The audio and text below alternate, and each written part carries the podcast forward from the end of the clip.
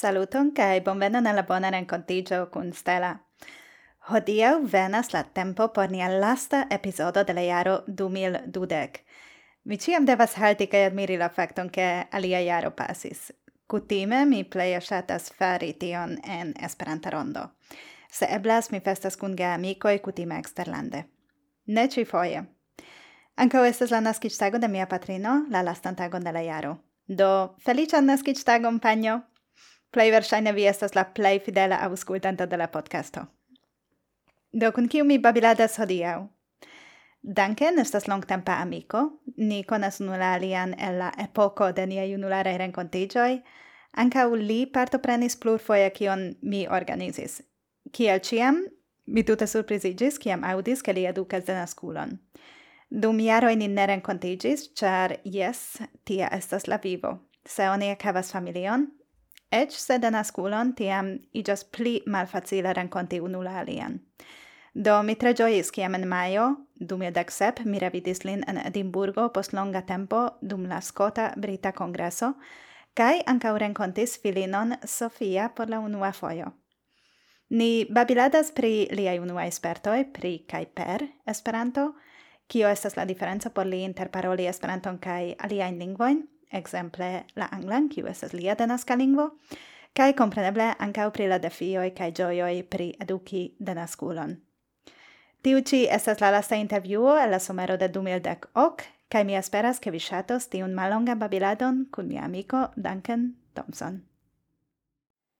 Saluton, Duncan. Saluton.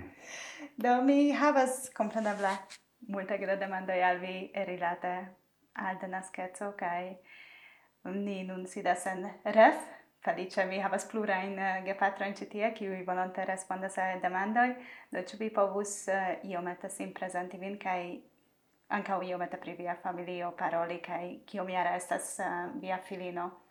Bone, uh, do mi estas Duncan el Scotlando, Uh, mi havas unu filinon kiu havas dek jarojn nun kai mi parolis Esperanton al si ekde naskiĝo no, antaŭe fakte, antaŭe de naskiĝo.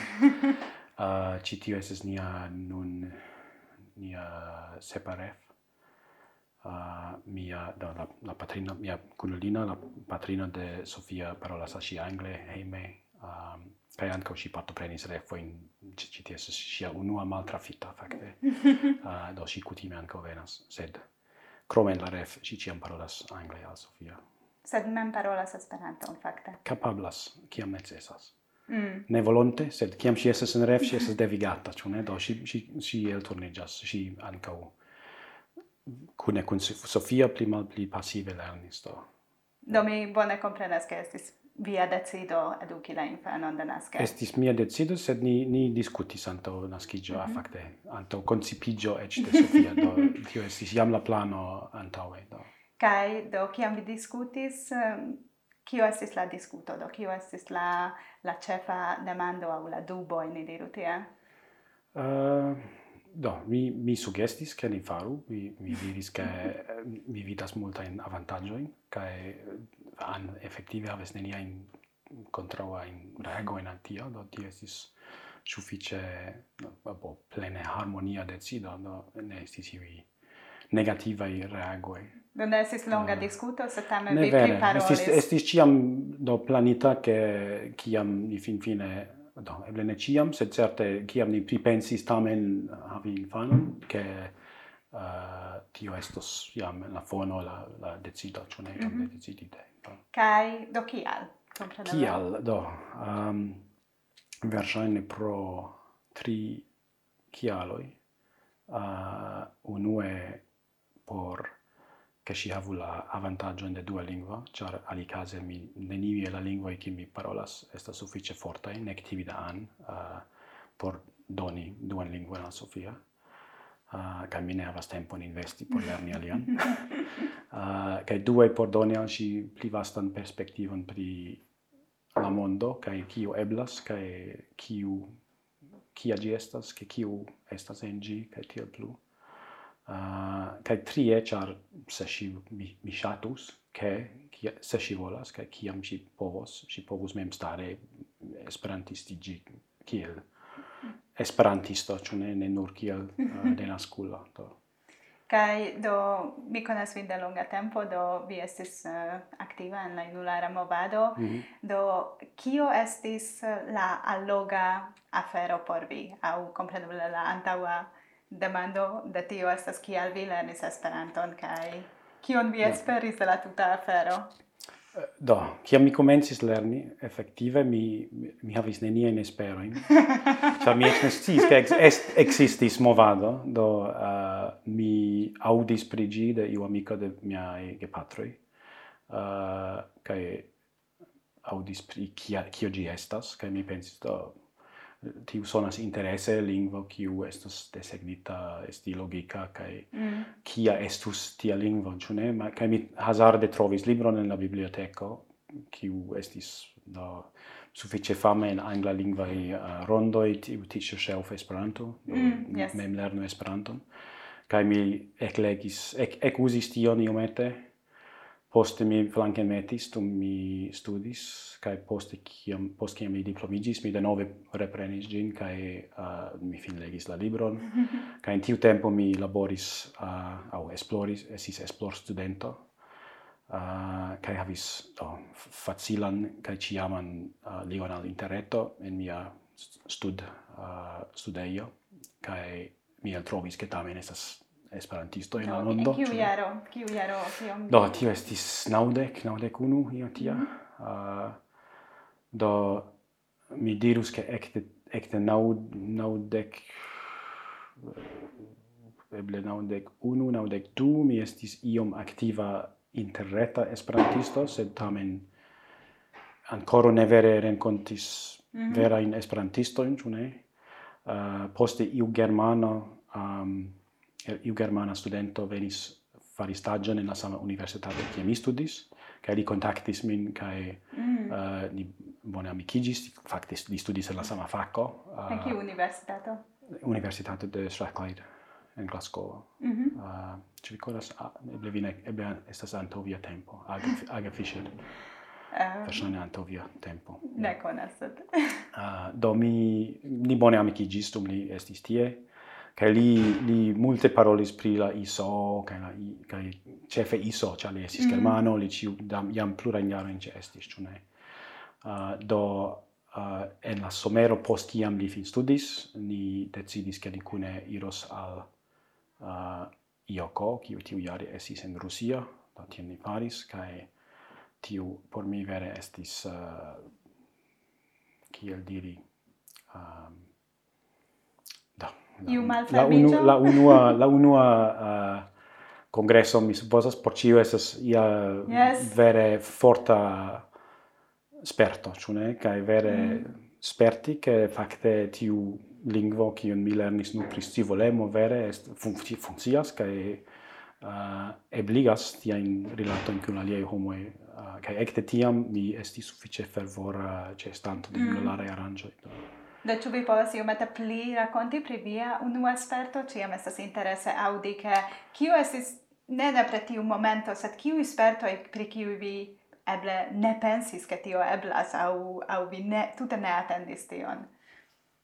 Ĉu la komunikado, ĉu ke la lingvo fakte funkcias? La tute senpera kaj facila kaj tuja rekta komunikado inter multaj mult homo de multa lando en mm. un momento, ĉu ne? Ĉar ti mi neniam spertis antaŭe. Mi mi faris stud mi faris stagion en en Parizo uh, kiel studento, kaj tiam mi plejparte uzis la, la francan, kaj ja estis aliaj um, aliaj studentoj de aliaj landoj, do de Italio, de, de Germanio, sed la comunicado ne estis same um, facila, malgrau tio che mi pli da tempo investis lerni la francan. Mhm. -hmm. um, kai mi creas ancau che estas tiel che homoi qui electas esti esperantistoi estas pli malfermaj al comunicado kai mm. interchangio de espertoi kai ideoi kai opinioi kai tiel plu kai tio tiu mal malfermezzo ehm um, tian malfermezzo non ne renconti non contos ciam en ĉiutaga mm. vivo, ĉu ne? Do mi crees che tio do tio kaj la la la tuja senpera sperto de mm. do ekzemple hoc au dec homoi qui sidas circa o tablo, civi de aliei landoi, civi in aliei derascae mm. lingvoi, qui mhm. eh, parolas pri ia ein certas mm -hmm. uh, parolas pri ia in temo, cae, ja, yeah, estas mirinda sperto, Estes ne? ege trafa, ja, ege, ege, ege profunda sperto, ja. Mm. Kai nun mi pripensas tion ke do via denaska lingvo estas la angla, mm -hmm. kai oni plej ofte komparas aŭ diru tiel diras pri Esperanto do sed kial ni bezonas esperanto estas la angla. Mm -hmm. Kai ĉu oni demandas vin ofte rilate a tio sed kiel damne parolas Esperanton vi parolas la angla, mia denaska lingua estas la angla, ĉu tio ne sufiĉas? Ne ciam sufiĉas. Do, homoj ofte demandas tion, sed di ne ciam sufiĉas fakte. Do, ofte gi sufiĉas, sed nur se oni volas baza in uh, in ĉu ne? Se oni volas aĉeti tion au, au trovi la necesejon poste au kiojn, in ne? Uh, lau mia esperto e aŭ eble mia esperto estas la angla Ah, mi ne stias. Sed la mia esperto pi la angla en alia landoj estas tiel che gi estas por la bazaj vivbezonoj, gi ne estas por mm. ĝi gi ne tial ti, tiom bone uh, ne tiom bone funkcias, kiel oni, aferoj. kiel oni asertas, ke ĝi funkcias. Yes, precize. Kaj ofte oni troviĝas en lokoj kie oni provas uzi ĝin, kaj fakte neniu komprenas, kaj mm. oni eh, oni devas elturnigi ali maniere, ec foie mi successis per Esperanto en Pollando, mi iam mi hazarde devis telefoni al iu kai trovi la telefono ci funkcias per funkcias per jetonoj kai tut hazarde la pola vorto por jetono estas iel kiel jeton do mi successis aceti jetono per la telefono per, per Esperanto kai ne per la angla. Um, do uh, ja, do. Anko la er, anko Esperanto povas funkcii tiel, sed ja. Ja, do um, reirante iomete alla, alla demando pri denasculeco, do uh, ni povas diri che via filino iam estas suffice ege por tio che vi havu vere longan sperton rilate a tio kio kia estas eh, esti gepatro de de de nasculo kaj uh, ankaŭ ŝi amiras al lernejo do kia sperton vi havas rilate a tio kio non diras en la lernejo ekzemple kiam oni ekscias ke Sofia parolas Esperanton kaj ke vi parolas al Sofia Esperanton? Plej parte uh, bona, sed ne ciam, eh, mm. uh, sed plej parte esis neniu havis ian problemon pri tio. Sofia tre fieras ke ŝi parolas du lingvojn kaj ŝi kondukas do, ili havas um, kiam oni registras la infanojn en la komenco de la tago mi ne scias ancora au faras, sed certe in la uno e quelca iaroi, mhm. oni diris la nomojn de la infanai, kaj ili respondis per saluton en diverse lingvoi. Ah, kai se unu do Sofia inconduci saluton kai la tuta classe usi saluton kelk foie, do esis do kai do ni hao au au bonjour au kiela kiela ne do ah, uh, si fieras che si estes esperan no parolas esperanton Kaj si tre bone parolas Esperanton. Si suffice bone parolas Esperanton. Uh, si ne ofte parolas gin, do en la ref estas sia cefa ocaso. Mm. Ah, uh, heime si cutime reparolas angle al mi, mm. uh, sed okay, en la ref videble dum la unuai du, unu du tagoi si Ancora quasau, tra, traducas, yes. sed iam post, post yes. unu du tagoi si iam suffice flue, eh, eh, tamen erare, sed suffice flue parolas, cune? Sed, yes no, mancas accusativoi tie ca ie, sed, mm -hmm. ja. Ne, cioè, mi aspetto estas che eh, uh, si flue parolas Esperanton, kai kelk foje vortoi vortoi si ne rememoras, sed mi mm. havas mm. la impreson che si tre bone sias che si vere devas paroli Esperanton ci tie. Mm. mm. Kaj mi do kiam si parolis al mi, mi diris eh, al si se mi ne sias la vorton, mi comprenas la angla mi helpos al vi, diru la vorto nel angla, kaj mi, mi helpos mm. al vi pri tio, sed poste tute flue, mm. vere belega parolas Esperanton mm-hmm. mm. la mia bon, bon. sperto. Mm. Do, kaj, do vi diris, ke estis eble kelkaj problemetoj de fio rilate al la edukado, ĉu vi havis iun Do, en, en la ĝusa en la ĝusa jaro, do sin just finis la kvinan klason, uh, do sia instruisto ci jare uh, ne permessis al si presenti Esperanton kiel lingvon en la esis iu uh, afiscio kiun ili faris en la lernejo pri mm. diversaj kaj mi ne plene komprenas fakte ĉu temis pri kulturoj aŭ lingvoj uh, eh, sed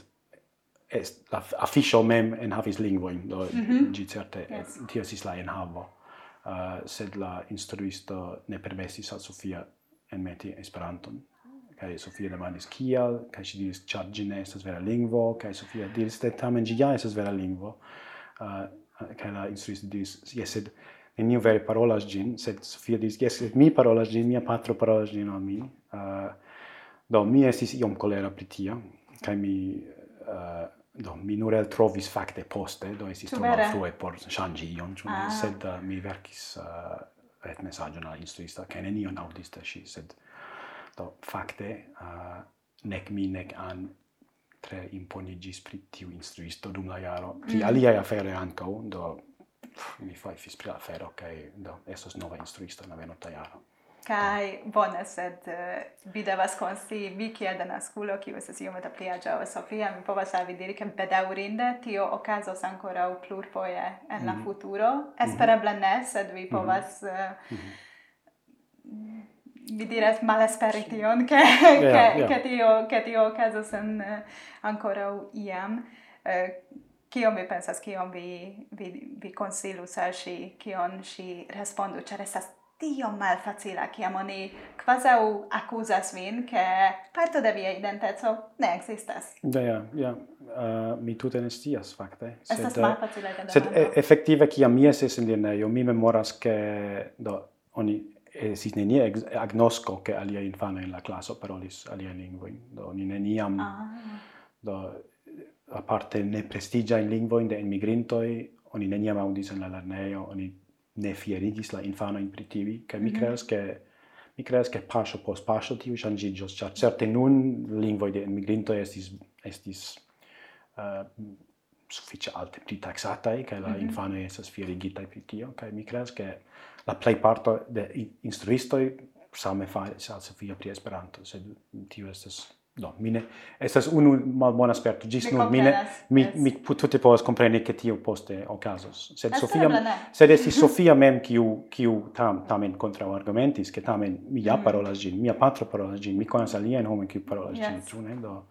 Um, se mi sius pli frue, mi eble proponus che mi envenu kai kai parolu pri gi au au che da fakte estis iom gene che ocasis iomete post kiam uh, Jacob kai li ai filo visitis nin, char mm. se estu sen la sama tempo, ni povus dire ah, mi havas gastojn tamen de eksterlando, ni invitu ilin ci tien, ili provas ankaŭ esperanto ke tio estus videbla pruvo, ke tamen, ja, mm. estas komunumo, ĉu ne?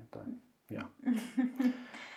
yes, kaj mi nun pripensas, kompreneble, krom la defioj do por vi, eh, kiom facila o malfacile estis alkutimiĝi al tio, ke vi parolas Esperanton? Ĉu estis facila la, la ŝanĝo, ke vi, ni diru tiel, devas paroli Esperanton, aŭ relative facile vi komencis paroli eĉ al la antau bebo, do, kiam ancora estas do, do, mi, mi, do, mi ciam parolis al Sofia Esperante, ecte vere nascigio mm. cae plu.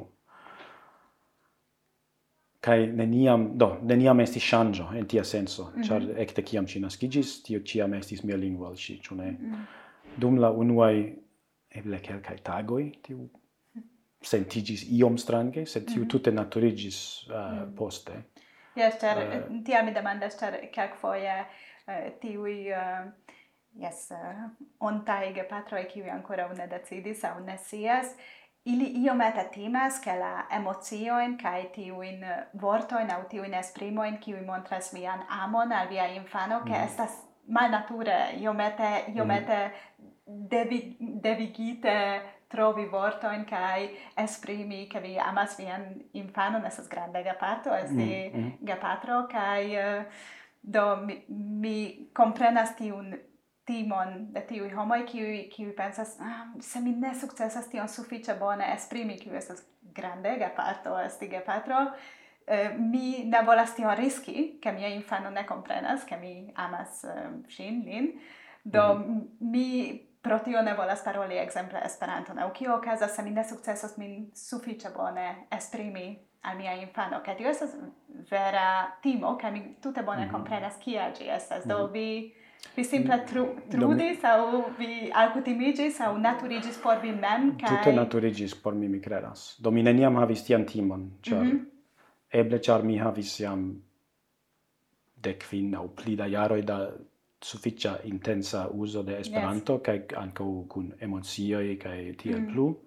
Ah, uh, kaj ne mi neniam vere havis tian timon kaj mi da, mi ne mi ne sentas kio mankas. Uh, ah, mi Mi pensas che tio estas necredeble grave diri tion, che vi, yeah. vi sentas tia, che vi plene povas mhm. esprimi mm -hmm. yes. kion ajn en Esperanto yes. al via yes. Ne nur amon, sed foie koleron, tio tio.